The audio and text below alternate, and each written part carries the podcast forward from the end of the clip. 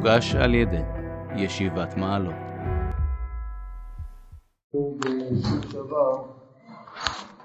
למדנו פסקה ד', הגענו עד אה, ככה קצת יותר מהאמצע, בקצרה. כן, הפסקה פתחה בזה ש... שכל דעה כוזבת זה נובע מכוח חפץ יתלות ללא גבול, הכנות נאותות, זה עבודה זרה, והקו המקורי של ישראל הוא לא כזה, אלא מתוך הענווה מגיעים לידיעה אה, שאנחנו לא יודעים. אחרי זה הרב דיבר על הנצרות ועל האסלאם, הנצרות כתופסת את, אה, אה, בעיקר את העניין של החסד המוסר, כך היא מגדירה את אלוה, האסלאם, החוכמה והגבורה. כן, ואז הוא אמר שאף על פי שהאסלאם היא פחות, פחות מקשים, מכל מקום זה אין, אין חיץ הגיוני, כן, בין האסלאם לבין האליליות, כי אה, כן, אולי בואו נתחיל את הקריאה, מה? לא, בין, בין האסלאם, אפילו בין האסלאם שהוא פחות חריף, בכל זאת עדיין אה, האסלאם מביא בסופו של דבר לאליליות, כן, זה מה שהוא פה רצה לטעון, אז אולי נתחיל לקרוא מהארבע מילים האחרונות בעמוד קנ"ג מזה נרוץ קדימה, כי האלוהות המובנת והניכרת על פי מידה נבראת כחוכמה וגבורה וכל מיני מעלות כאלו, ממה שהפה והלב של האדם המוגבל יכול לדבר ולחשוב, היא בעצמה תכונה של אליליות, מפני שיקרותה והיעדר מציאותה, ולעולם תנוצח מן הכפירה השוללת שצדקה ממנה כשנעריך את שתיהן אל המושג האמיתי של האלוקות. כן, זאת אומרת, ברגע שאיזו גישה, כן, איזו דת, איזו גישה, מגדירה את אלוהות באיזושהי הגדרה שנתפסת במחשבתו או בהרגשו של אדם, כמו דיברנו על החסד או על החוכמה והגבורה, זה עצמו, כן, כבר אליליות. וזה שקרי, כי הרי זה לא נכון, כי באמת זאת לא המציאות האלוקית. ולכן לעולם תנוצח מן הכפירה שוללת, ולכן תמיד הכפירה תנצח את הגישה הזאת. למה? שצדקה ממנה שנעריך שתיהן אל המושג האמיתי של האלוקות. כן? כי כשאנחנו משווים, כן? כשאנחנו משווים את האמת שיש בגישה של הנצרות או האסלאם לעומת האמת שיש בכפירה, הכפירה היא יותר אמיתית. כן? אם ננסה להגדיר את זה, למשל, נגיד יש לך צבע אפור, יש לך צבע אפור, נגיד כאב, בסדר? עכשיו שואלים אותך זה לבן או זה שחור? כשאתה רוצה לצעוק, זה לא לבן זה לא שחור, זה אפור. אבל אומר יש שתי תשובות, תכתוב, כן, מה התשובה הנכונה? מבחן אמריקאי. אז מה אתה תענה? זה, זה שחור, כן? יחסית זו תשובה נכונה, זו לא תשובה נכונה באמת, כן? אבל יחסית זאת התשובה היותר נכונה שאתה יכול לתת. וגם כאן, בעצם שתי הגישות האלה, גם הכפירה וגם אה, האסלאם או הנצרות, שתיהן לא צודקות. כן, ודאי שזה לא זה ולא זה צודק במאה אחוז. אבל כאשר נשאל את עצמנו מה יותר צודק, מה יותר צודק, הכפירה יותר צודקת מאשר זה. למה? עכשיו, זה מה שהרב כאן הולך להסביר, וזו פסקה קצת קשה, כן? אה, מה? כפירה בכלל, בוודאי בדתות ואפילו במציאות הבורא. כן. כפירה בכלל, תנועת הכפירה, כן, תנועת הכפירה שישנה בעולם, שאנחנו עדים לה ב, בעשרות מאות שנים האחרונות כבר, כן, שיש תנועה של כפירה ברמות שונות, כן, אבל עד כדי גם כפירה בכלל במציאות של אלוהים, כן, זה, זה, עכשיו, הרב כאן מסביר לנו מדוע, מדוע הכפירה היא יותר צודקת, כן.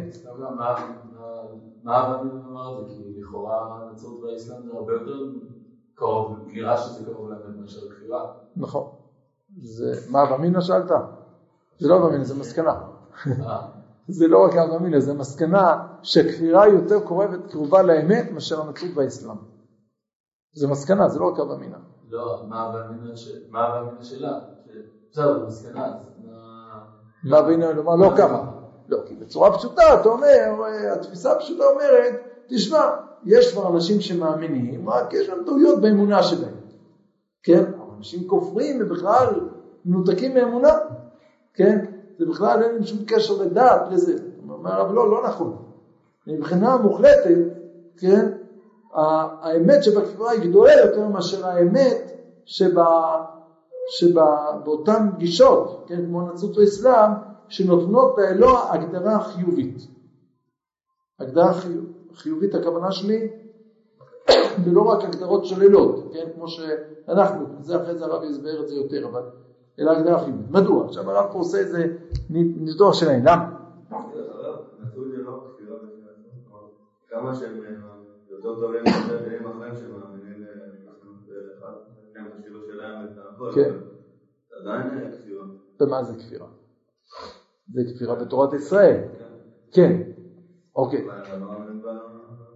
הם מאמינים בתוך עבודה זרה, כן? מתוך עבודה זרה. מה? כן, זה גם כפירה, אבל הכוונה פה כפירה זה הכוונה שאדם אומר אין אלוהים, כן? זה כפירה. אז אמרתי, זה יכול להיות במדרגות שונות, או שאומר אין תורה מאלוהים, אין שום הדרכה אלוקית לעולם, אלא, נכון, אלוקים ברא את העולם, אבל אתה תתנהג לפי מיטב הבנתך, במקרה טוב הוא אומר את זה, במקרה יותר גרוע הוא אומר את זה, תתנהג איך שאתה רוצה, כי זה לא משנה שאלוקים ברא את העולם. ויש גם כפירה שבכלל אדם, מה שנקרא חילוני אצלנו, כן? יש מדרגות שונות בחילוני, כן? החילוני, כן, החילוני זה, זה מושג הרי לא קשור רק לעם ישראל, כן? זה קשור לכל, זה תהליך של כל העולם, כן? אנחנו, כן, מי שצד ההיסטוריה יודע, פעם כל העולם כולו היה נתון תחת אה, אה, נושא של דתות, אם זה כנסיות, אם זה באסלאם, והעולם, אה, אה, זה נקרא להשתחרר מזה, כן? כן? אז הרב גם רוצה להסביר לנו שהכפירה הזאת היא בעצם יותר קרובה לאמת. מדוע? עכשיו כאן יש פסקה קצת קשה, בואו ננסה להבין אותה, כי לא בשביל להבין אותה, אלא היא באמת מסבירה מאוד את העניין שבאמת, מהי האמונה הטהורה, שזה מה שאחרי זה רע. מה? הכפירה הזאת היא כפירה נגד הנצרות, והיא כפירה נגד האסלאם, והיא כפירה נגד דתות. כן? מה? כפירה, תופעה של זרמים של כפירה שיש בעולם. אנשים שכופרים בדתות, לא מקבלים עליהם את הדתות, כן? למה?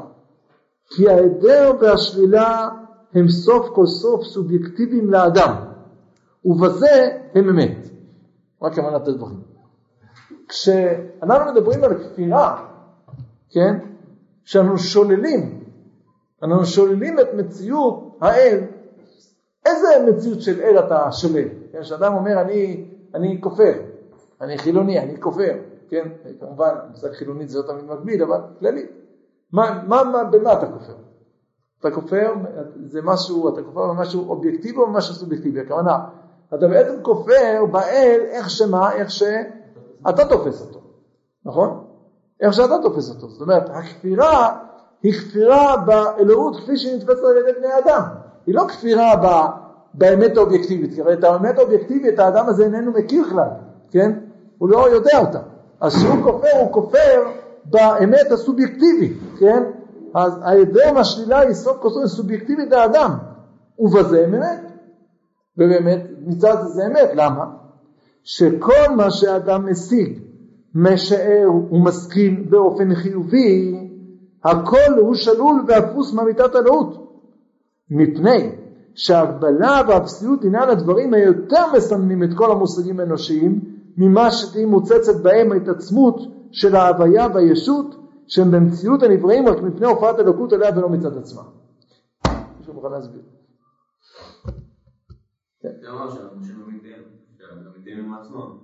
כן, אבל מה זה פה כל המהלך? מה? באמת אף אחד לא יכול לדעת מה זה הביטוי זה הכל בעצם רק סובייקטיבית לדעת. כל מה שאדם משיג, משער ומשכיל באופן חיובי. אתם מבינים מה זה באופן חיובי? הגדרות, כן, זה הכוונה הגדרות חיוביות. שאדם אומר שאלוקים, מה?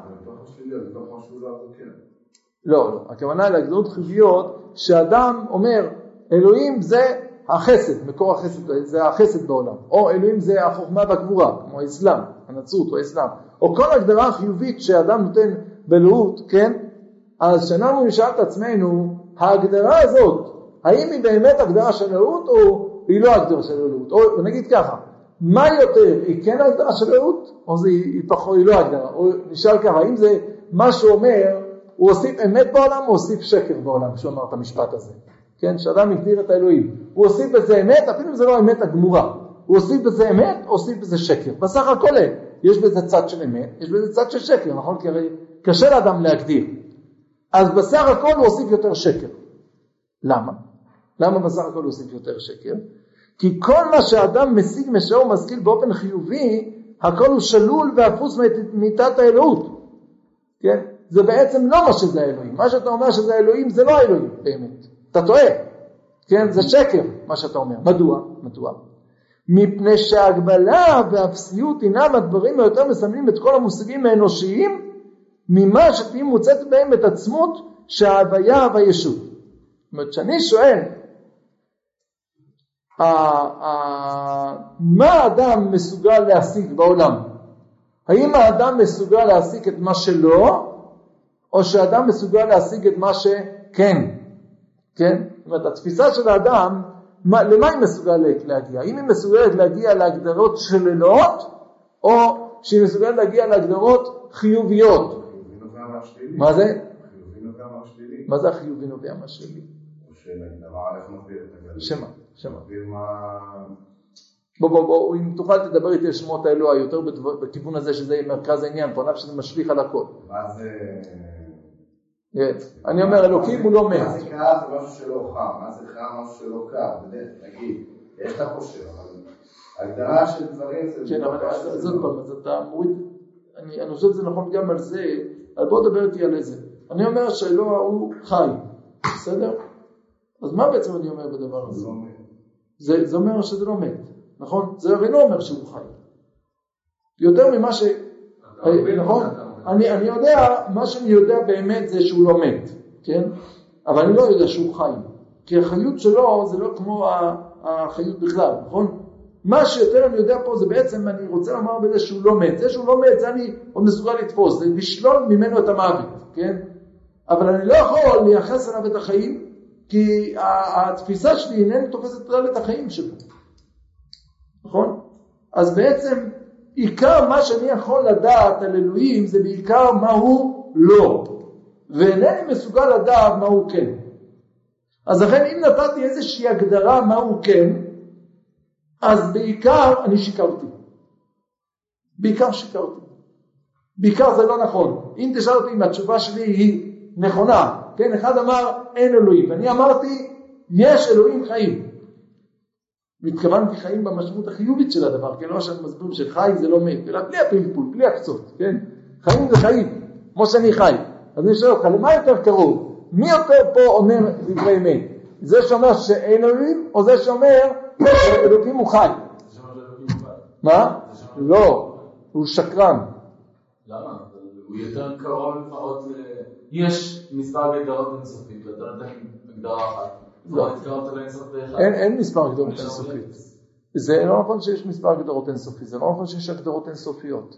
לא, כן, אין לזה הגדרות אינסופיות. אין לו הגדרה בכלל. אין לו בכלל הגדרה. אין יכולת בשכלנו ובהרגשתנו להגדיר אותו. ולכן כל מי שמתחיל להגדיר אותו, הוא מיד נופל בשקר. זה שקר. עצם זה שהוא ניגש להגדיר אותו, הוא נופל בשקר. אז אם אין הגדרה, אז למה אנחנו אז כי, כי זה הגדרות שוללות.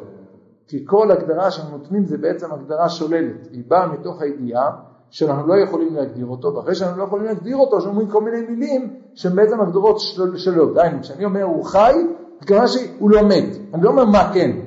כשאני אומר הוא נצחי, הכוונה שלי הוא לא זמני. אני לא אומר הוא נצחי במשמעות של איך שאני מבין את הנצח. כי זה בכלל לא קרוב למה שזה באמת. כן?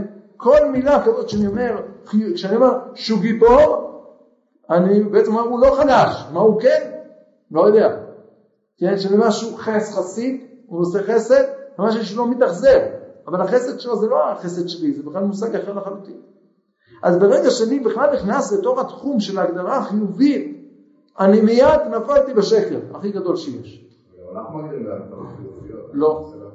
אלה גדול. גיבור ממש מיוחד. אמרתי. למרות שזה לא בתפיסה שלנו, אנחנו לא אומרים... אתה חייב, אתה חייב לפני זה, שאתה אומר הגדול גיבור מהתורה לדעת, כן?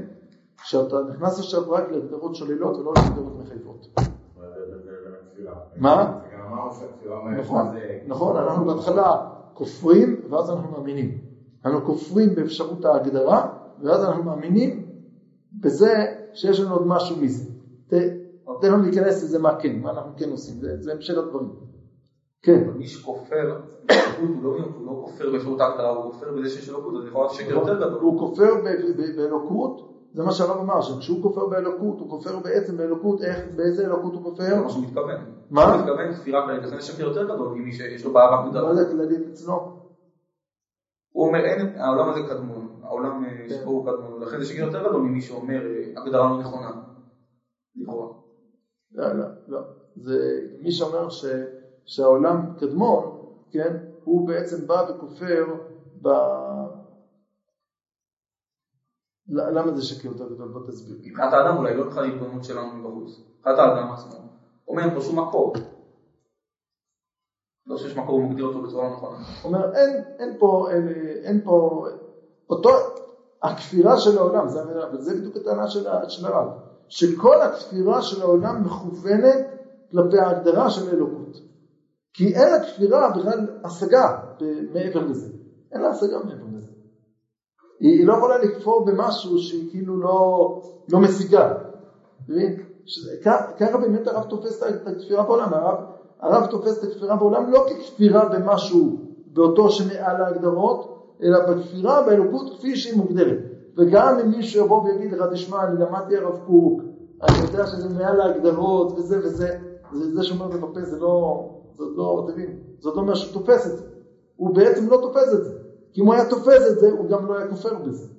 כן, הכפירה היא עצם נובעת מעצם חוסר הקשר לדבר הזה, חוסר המודעות לדבר הזה. הוא אומר לך, אני גובר באלוהים מה שתגיד אלוקים, כן מופשט, לא מופשט, לא, לא, אני גובר בכל. לא, אז מה אם הוא אומר את זה? אתה מבין? זה לא, הוא לא תפס את המהות, זה, זה, זה בדיוק הטיעון של הרב בכל המקומות האלה, כן? שהכפירה, כל הכפירה היא רק באלוקות המוגדרת, כי זה מה שהעולם מכיר בעצם היום. זה קשור גם קצת לסעיף הבא. שזה באופן כללי מה שהעולם מכיר באלוקות, זה מה שהוא תופס באלוקות, כן? זה אלוקות מוגדרת בצורה כזאת או בצורה אחרת. זה אולי התבוננות מבחוץ על כלל ועל תהליכים, אבל בפרט, הוא לא פרט יותר עכשיו מי שאומר אין פה שום כלום, מאשר פרט שאומר יש פה משהו. הרב עכשיו פה במשפטים האלה דן, מי יותר אומר אמת. עכשיו, האם עדיף שבן אדם ייכנס לשקר כדי שמתוך הקשר שקר יגיע לאמת וכולי וכולי, פה שאלה שנייה חינוכית. הרבה פעמים מתוך נפילות, עולים, כן? אה, זה, זה כבר שאלה אחרת. כן? הרב, זה לא מה שהרב דן פה. דן מי בעצם, שנעשה כרגע צילום של המצב בשנייה הזאת, מי יותר אומר פה אמת, הכפירה יותר אומרת אמת. עכשיו, האם בגלל זה, אז קדימה, בואו נעבור את כל עם ישראל לכויפרים, כי דרך זה להביא, זה, זה הרב לא אמר, בסדר? זה קשור גם קצת לסעיף הבא, שיש מצבים בעולם שאי אפשר להביא את האמת הזאת לגילוי וכולי וכולי, זה מאוד, כן?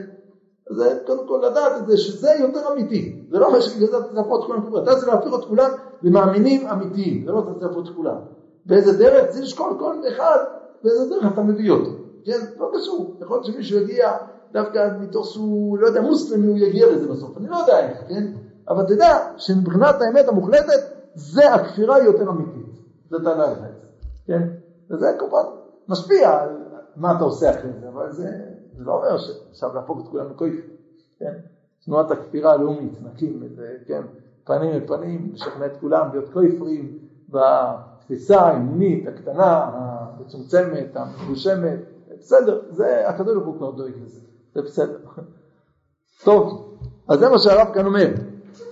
אז ההגבלה והאפסיות הינם הדברים היותר מסמנים את כל המושגים האנושיים ממה שהיא מוצצת בהם ההתעצמות של ההוויה והישות. כן? מה יש בתפיסה האנושית לא שולל אלא חיובי? זה משהו מאוד מאוד קטן מה שיש בה. כן? העיקר מה שיש בה זה השלילה. ומה שכן יש בה, שהם במציאות הנבראים רק מפני הופעת אלוקות עליה ולא מצד עצמם. מה שיש אצל האנשים שמסוגלים לתפוס באופן חיובי, זה רק בא כאשר הקדוש ברוך הוא נותן להם את זה. אני רוצה ל- ל- ל- להסביר את זה דרך המדרש של חז"ל הנפלא הזה, פשוט, כן, שאברהם אבינו עומד מול הבירה, מול העולם, ושואל מי, מי, מי בעל הבירה, נכון? כך הוא שואל, מי בעל הבירה? מי הדליק את הבירה הזאת? מי ברא את העולם הזה, נכון?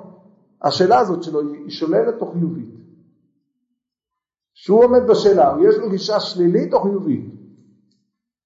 איזה גישה זאת?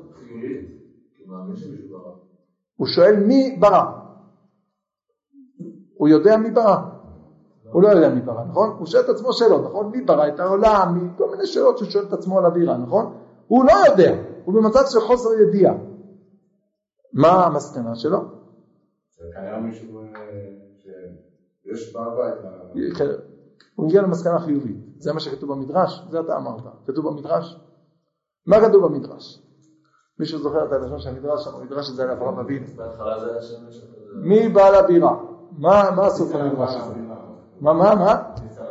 עד שנקלע עליו בעל הבירה ואמר, אני בעל הבירה. עכשיו זה לא סתם איזה לשון של חז"ל. זה מה שכאן הרב אומר. או הציץ הבירה ואמר לו, אני בעל הבירה. אברהם אבינו לא הגיע לתשובה. לתשובה החיובית אברהם אבינו לא מגיע. אלא מה? הוא שאל את השאלה. ומי נתן את התשובה?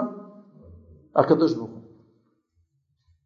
זה המבנה של האמונה שלנו. אנחנו שוללים, והקדוש ברוך הוא שם בתוכנו את התשובות החיוביות.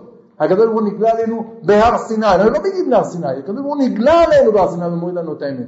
זה מה שכאן הרב אומר, שההתעצמות של ההוויה והישות, זאת אומרת, את הצד החיובי של התפיסה שלנו, זה קיים רק מצד הצד האלוקי שבנו. הן במציאות הנבראים מפני הופעת אלוקות עליה ולא מצד עצמה.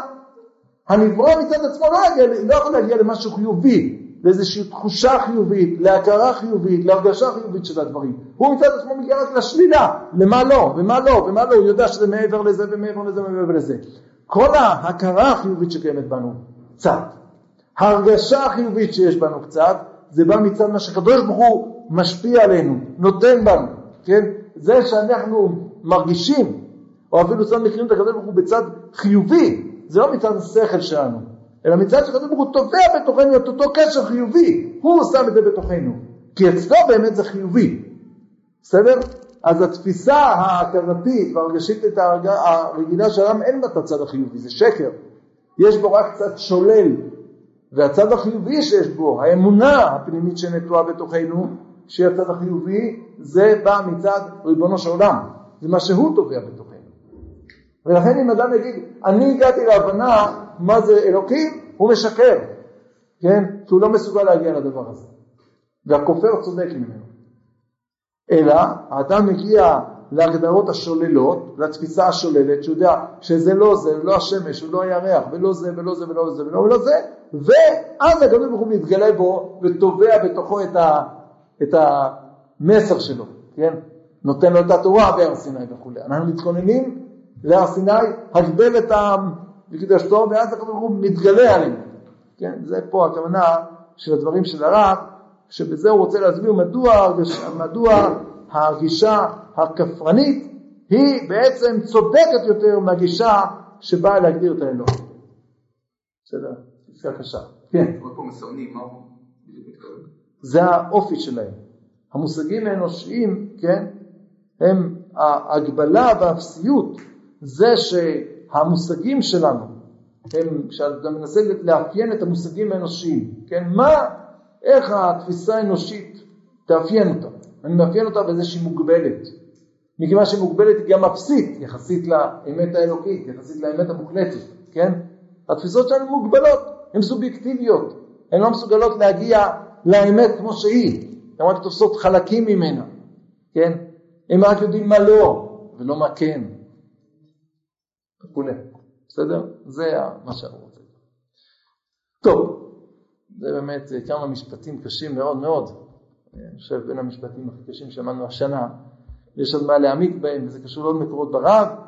נמשיך עכשיו בצד החיובי של הדברים. על כן, יסוד דעת אלוקים, העומדת לעד, היא האלוקות המתעלה על כל התמונה וההרגשה, והחתומה בתוך התמונה וההרגשה בחותם של הנבא ושל אי אפשריות ההשגה.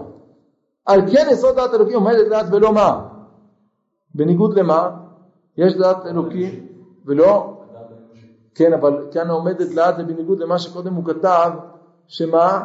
שאת הנצרות ואת האסלאם מי ינצח? הכפירה.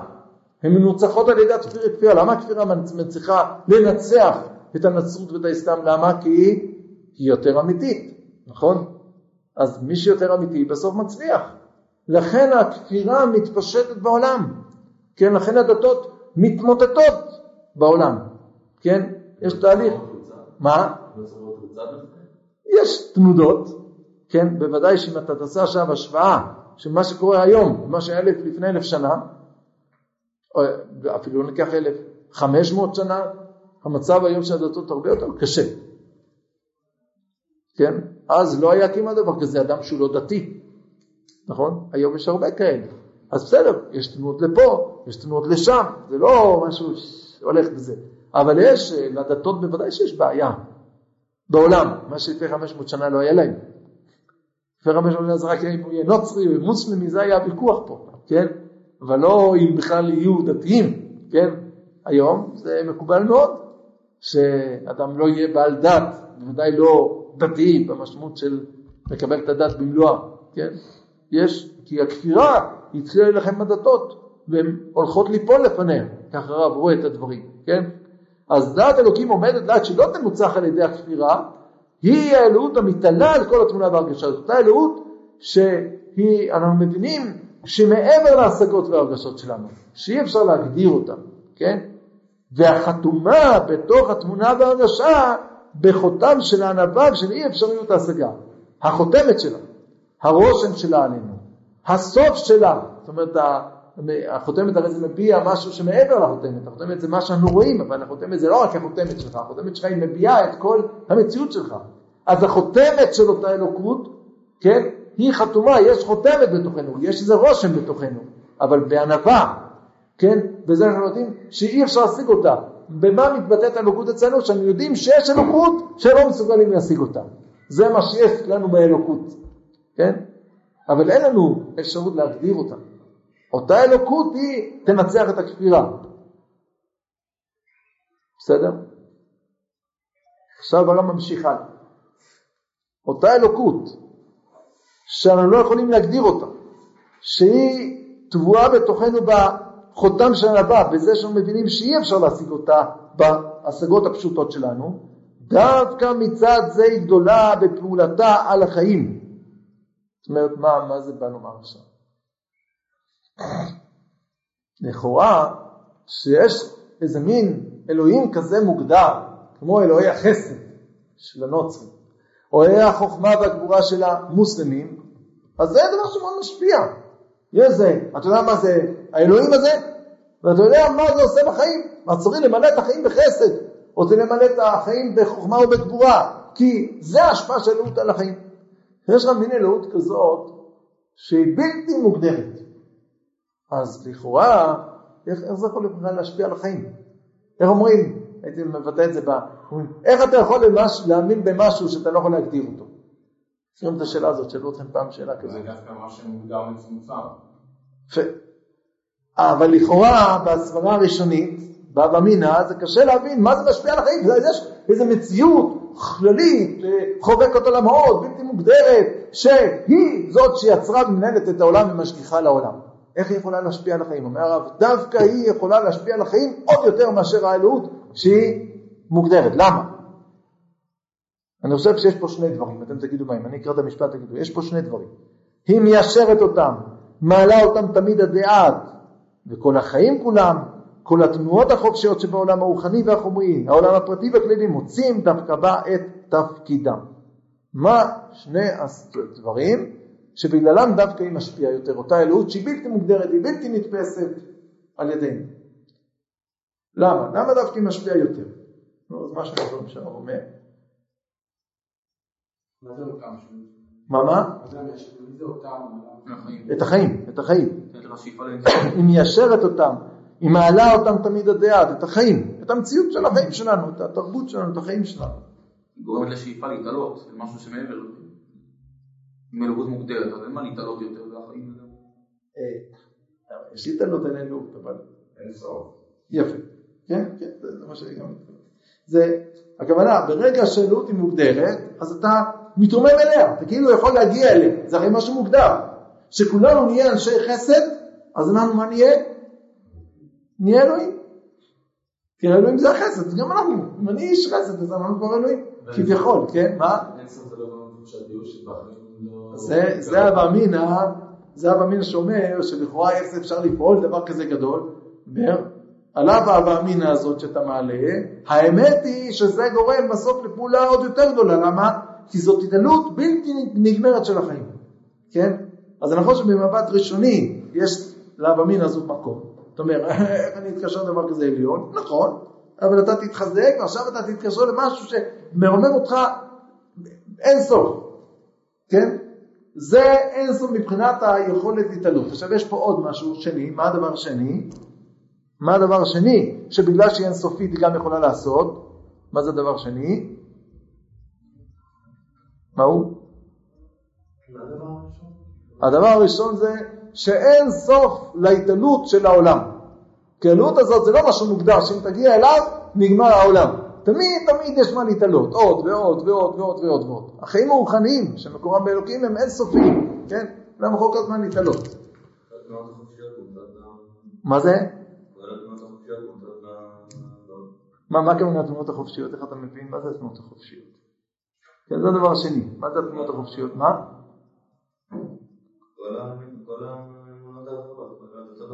אה, כן.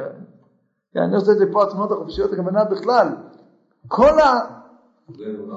לא? כל, לא רק אמונות, אלא כל הכוחות שיש בטבע, כל נטיות החיים שיש בטבע, בטבע הרוחני, בעולם החומרי, בעולם הפרטי, בעולם הכללי, אז האלוהות הזאת היא מקיפה את כולם, היא לא נוגעת רק ל- למשהו מסוים, כן, למשל, אם אתה מדבר על אלוהות כחסד, אז זה נותן לאותם יצורים ששאר אצלם חסד, לאותם יצורים או לאותם עניינים שלא קשורים לחסד או לא חסד, זה לא נותן לזה, זה מוגבל. ברגע שאתה אומר שהאלוהות היא מופשטת, היא מקיפה את הכל, אז כל כוח שיש בחיים, הוא בסופו של דבר מוצא את תפקידו, מה זה תפקידו? את התכלית שלו, את המגמה שלו, כן? את אותו שאיפה שלו באותה אלוהות. היא מקיפה את הכל, את כל היצורים, את כל ההוויה, את כל המצויות, כן? היא ממילא מרוממת את הכל. זה מה ששונה מהסביבה ששם. מה? ברגע שאתה מצמצם אותם, כן, למשהו מסוים, אז מוציא מתוך. מתוכם את אותם יצורים שאינם קשורים למושג הזה של גבורה או של חסד, אז יצורים שאינם קשורים לאלוהות, כי עניינה של אלוהות זה החסד. אז מה הקשר בין הדומם לבין חסד, לדוגמה, כן? בין עולם הדומם. אבל אם אתה אומר שאלוהות זה לא רק חסד, זה חסד וזה גבורה, אבל זה המון דברים שהיא, שהיא משפעת עלינו, שהיא מרוממת אותנו, אז כל מציאות שיש בעולם, יש לה את אותה אפיק של להתקרב לאלוקים, כן, להשתכלל ולהתרומם וכולי. אם זה עולם החי, עולם הצומח, עולם הדומם, כל העולמות כולם, בסדר? אז כאילו מצד אחד האלוהות הבלתי מוגבלת היא נותנת התקדמות אינסופית וגם היקף אינסופי. למה אתה מחייך? כי, מה? כי זה לא... כי זה לא מובן. טוב, זה קשה, זה קשה. בדיוק היום איזה תלמיד משיעור א' שאלתי, למה אני לא יכול להיכנס לשיעור אורות?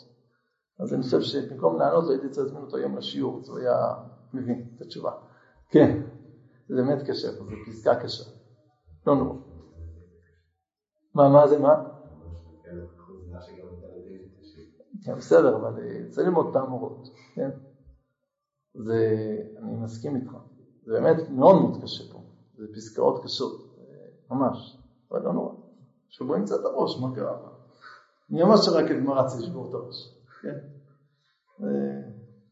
אחרי שמגיעים לגמרא, אחרי שמגיעים לגמרא קוראים שזה קל, כן? בסדר, קיצר. אוקיי, אז. מה? העניין של החותם. החותם, תקרא לזה כמו חותמת. חותמת זה מביע, זה לא החותמת, חותמת זה מביע את הסיום, את הסיכום, ביטוי של כל מה שיש מעבר לחותמת. כן, אז גם האלוקות יש לה חותם אצלנו, כן? היא משפיעה עלינו, זה לא משהו שמנותק מאיתנו, אבל זה לא שזה הדבר עצמו אצלנו, כן? יש ראש של זה אצלנו, כן? התפיסות השוללות שיש בזה, ועוד הצד החיובי, מה שהאלוקות נותנת לנו, אז זה משאיר איזה חותם של המציאות העליונה הזאת. אוקיי, אז זה שני הדברים, מה? אינסופית. כן. לא, לא, לא. אמרתי התקדמות ושאיפה אינסופית זה דבר אחד. הדבר השני זה שזה פונה לא רק לחלק מהיצורים אלא זה פונה לכולם. כל היצורים כולם יכולים למצוא באלוקות הזאת את תכליתם, את מגמתם, את מטרתם. זה הדבר השני, מה שאומר, וכל התנועות החופשיות שבעולם, הרוחני והחומרי, מוצאים דווקא בה את תפקידם. בסדר? אז זה, דרך אגב, מה שהרב כבר הזכיר בתחילת הפסקה, אני רוצה לחזור קצת גם להתחלה, אפשר את הדברים להתחלה, אם אתם זוכרים, הוא אמר ש... שהאלוקות הזאת, בסוף הפסקה השנייה, הוא אמר שעל ידי היטיב שירות המנועה, על ידי כן תהיה תמיד ההתעלות שבה על ידי החלקים המתגלים בהשארת האדם, הכוח הדוחף את התרבות היותר נשגבה. שדווקא האלוקות בקו המקורי של ישראל, בתפיסה של ישראל, היא כוח שדוחף את התרבות להתעלות נשגבה, להתעלות מופשטת, להתעלות גדולה. כן? הוא הזכיר את הדבר הזה שם, ופה הוא מפרט אותו, חזר. אוקיי. אמנם, כדי להיות אומה שלמה, יכולה להתפרנס במזון רוחני דק ונאצל כזה, בפנימיות נשמתה, צריך לזה הכשר גדול מאוד. אתה רוצה עכשיו, הבנו, באמת, מי שמתקשר לאלוקות הזאת, זה משהו לא נורמלי. זה התעלות אינסופית. וזה אפשר, זה פונה לכולם. אבל תכלס, להחזיק עם, על כל מה שזה אומר, עם זה אומר כל מיני סוגי אנשים. זה אומר עניינים רוחניים, עניינים חומריים וכלכליים וביטחוניים. להחזיק עם סביב תפיסה כזאת דקה, תפיסה כזאת רוחנית, כן?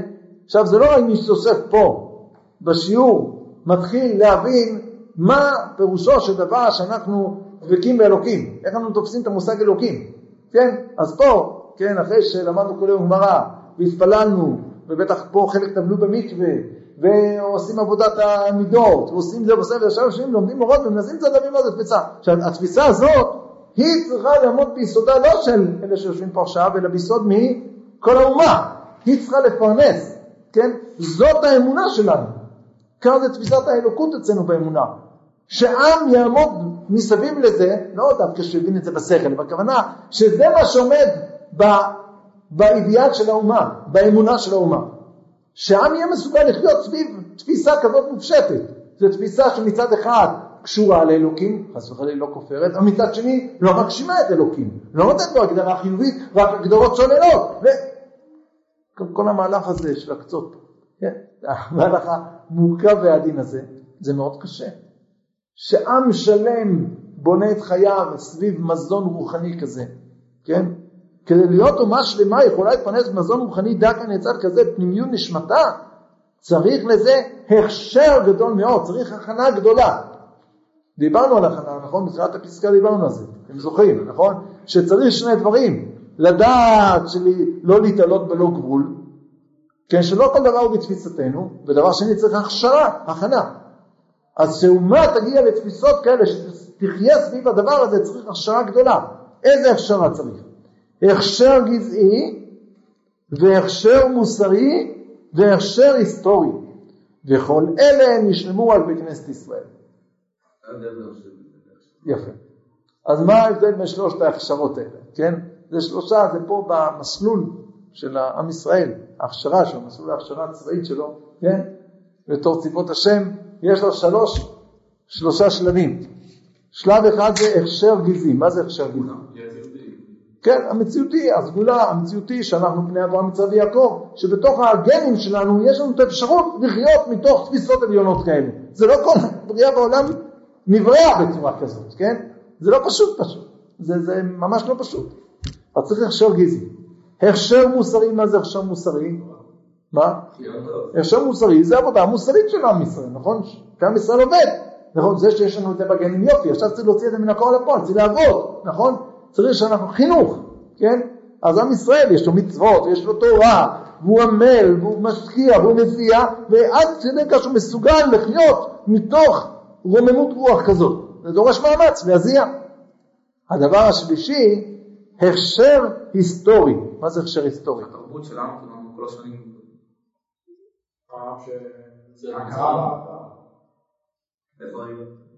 כן, השאלה איך לתפוס את זה.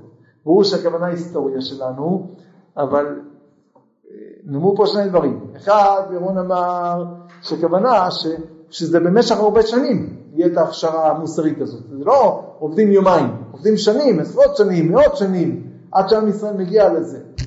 אני רוצה לומר אולי עוד משהו, וזה ישר היסטוריה כוונה, בתור אה, מי שעובד בחינוך ומכיר את זה. אתה יכול אה, ליזום כל מיני פעילויות או שיחות מוסריות, אתה מדבר על איזה נושא. אבל לפעמים הקדוש ברוך הוא עושה לך את זה, כן? כן, לפעמים הקדוש ברוך הוא עושה לך את זה, קורה איזשהו אירוע, עוברים איזושהי חוויה, והחוויה עצמה היא משדרת משהו, היא גורמת למשהו, נכון? שעם ישראל יוצא ממצרים למשל, או מקבל את, מעמד, את התורה בוודאי, כן? אז זה, זה לא מעמד מצידם, פשוט אתה עובר מין חוויות, איך, קוראים לזה, יש איזה ביטוי, חוויה מכוננת, או, חוויה מכוננת, נכון? יש מין חוויות, היסטוריה שאתה עובר, שהיא עצמה בונה בך כל מיני דברים, זה לא בגלל שאתה תכננת עכשיו, כן, תכננת עכשיו ללמוד על משהו, בכלל לא תכננת, התכנונים שלך היו בכלל משהו אחר, והקדוש ברוך הוא תכנן לך את זה. הוא העביר אותך בסדרת חינוך כזאת, הביא אותך למין, למין אה, מצב כזה, שזה לימד אותך כל מיני דברים, בנה בתוכך כל מיני תובנות וכל מיני הבנות וכל מיני אה, הבנות, אה, אה, משקעים חיוביים, חינוכיים שנשארו לך ממה שעבר. אז כל מה שעם ישראל עובר במשך הדורות, זה מחנך אותו. כן?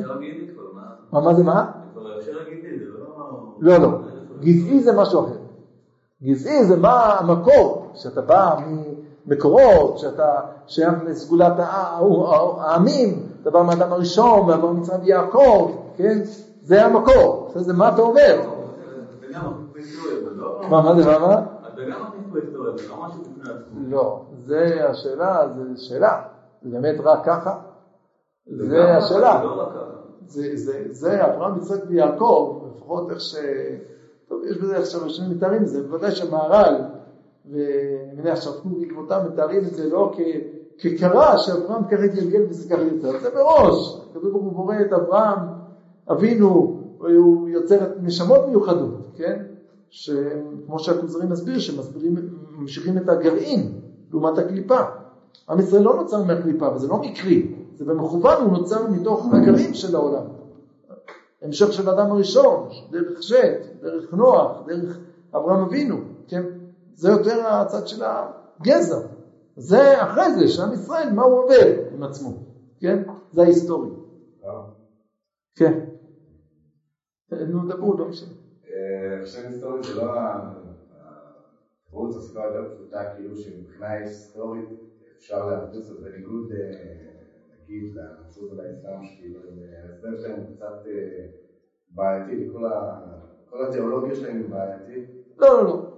פה לא, לא על זה מדובר, פה מדובר על ההכשרות, איך עם ישראל מגיע להיות מן עם כזה שמסוגל לחיות סביב תפיסה כל כך מופשטת.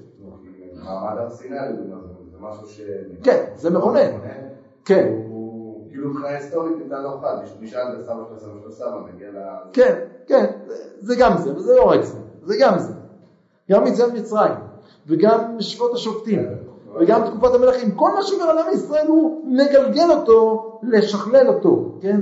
זה בונה אותו. מה? מה? בניגוד להנהגות של אומות אחרות או של העולם, שהוא לא מגלגל אותם בצורה כזאת, אבל אתה רוצה לרכב על נקודה אחרת, אני רואה. אני לא חושב שזו הנקודה של, שפה, זה, זה כלול בתוך זה, אבל עיקר הנקודה זה מה ההיסטוריה שאומה עוברת, זה יוצר אצלה משהו. איך היא עוברת את זה, מה היא נופלת, ומה היא מסיקה מזה, ומה היא מנסה אחרי זה, ומה קורה אחרי זה בשלב הרביעי. כל זה יוצר איזה שהן מסקנות שעוברות אצלנו בתוך הגנים אחרי זה, כן? זה, זה תוצאות שמובנות בתוכנו. כמו שאומרים היום, שאי אפשר להפחיד אדם מישראל, למה? למה היהודים לא מפחדים? כי חשבנו את השואה, מה יש לפחד? אין ממה לפחד, ככה יש דבר כזה, כי השואה היא עושה בנו משהו. כן, הרב ציודה היה אומר שהשואה הפכה אותנו למשוגעים. ככה הוא היה, כאילו, זה עם שנהיה משוגע מהשואה, זה שיגע אותנו. כן, רוצים להצדיק את עצמנו, למה אנחנו בסדר, למה אנחנו זה, כאילו, מה אתה רוצה להצדיק את עצמך? כל מיני תופעות שהיסטוריה יוצרת, בסדר? וזה מכשיר אותנו לזה, כן?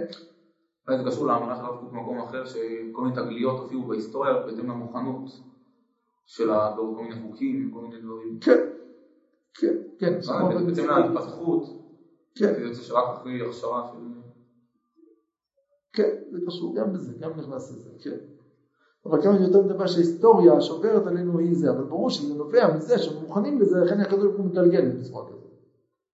בסדר? אז כל זה משלים את כנסת ישראל להיות אומה שמסוגלת לזה, ועכשיו הפסוק האחרון.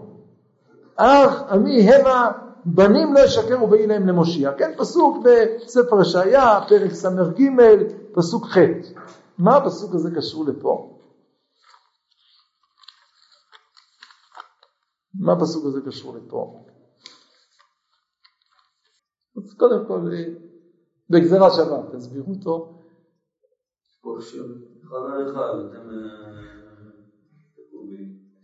אה, אמשיך. כן, אז למה פה? אפשר עוד כמה פסוקים כאלה להגיד, לא, ביטחו בהשם ואת...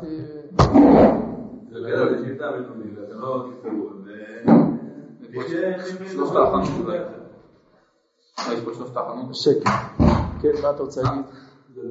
רגע, גם הוא, אתה רוצה להגיד את זה. מה זה שלושת ההכנות? איפה פה מה זה? אז זה לא, אני קודם רוצה להגיד את זה. קודם בפשט חשבתי, חיפשתי איזה מילה בפסקה שמתאימה לזה. איזה מילה מתאימה? שקר. שקר, כן? קודם מוזכר שכל שהגישות של האסלאם והנצרות זה שקר, ואנחנו לא משקרים. הכוונה משקרים זה לא לשקר אחד לשני, הכוונה לשקר את האמת, לא להגיד את האמת, כן? כאילו שאנחנו יכולים להגדיר את אלוהים, זה שקר, לא משקרים. אבל אחרי זה, ואני שמח שגם אתם מגיעים לזה, אמרתי אולי יש פה משהו יותר עמוק. כן, בבקשה, מה? אולי מי אמר אולי זה הכשר גזעי? בנים זה אולי הכשר היסטורי? ולא ישקרו זה הכשר מוסרי? חלוקה אחרת. לא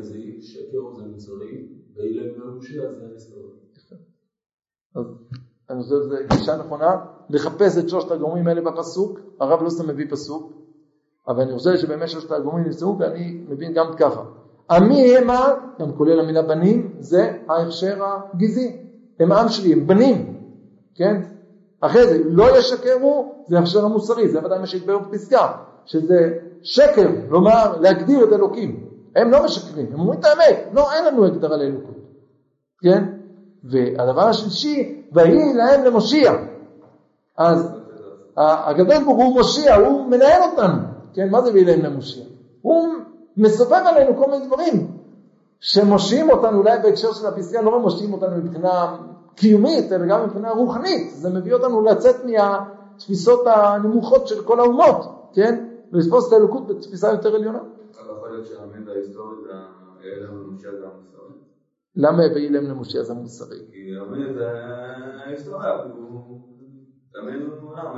כן, אבל למה, להם למשה זה מוסרי? לא ישקרו מוסרי, זה ברור שזה מוסרי. לא ישקרו, זה מוסרי. הם לא משקרים. כי המושיע זה בעצם המוסר פה של... למה? אתם תהיו המוסריים, זה דרך אחד לאחד, זה לא.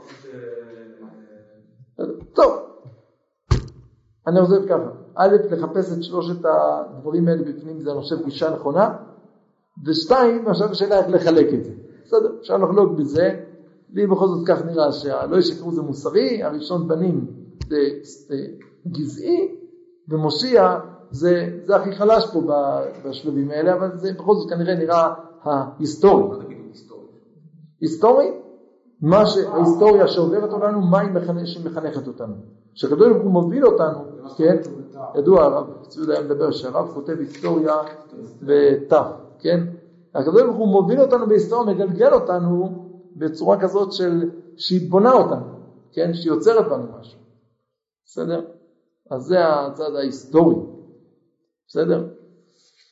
טוב, אז זה באמת הפסקה הזאת שהציבה בעצם אה, בתור הפרק הזה של ישראל ואומות העולם, דיברה פה יותר מצד האמונות, כן, שבסופו של דבר באופן מאוד מאוד כללי, כן, פה הרב דיבר על ההבדל בין הנצרות ואסלאם ובעיקר העניין הזה שמגדירות הגדרה חיובית ואצלנו ההגדרה היא הגדרה יותר שוללת, כן, וזה יותר אמיתי, אבל יותר קשה לחיות עם זה, אבל בסופו של דבר זה יותר מרומם וזה דורש הכשרה לאומית מאוד גדולה כדי להיות מסוגלים לחיות עם מין דבר כזה שהוא לא מוגדר.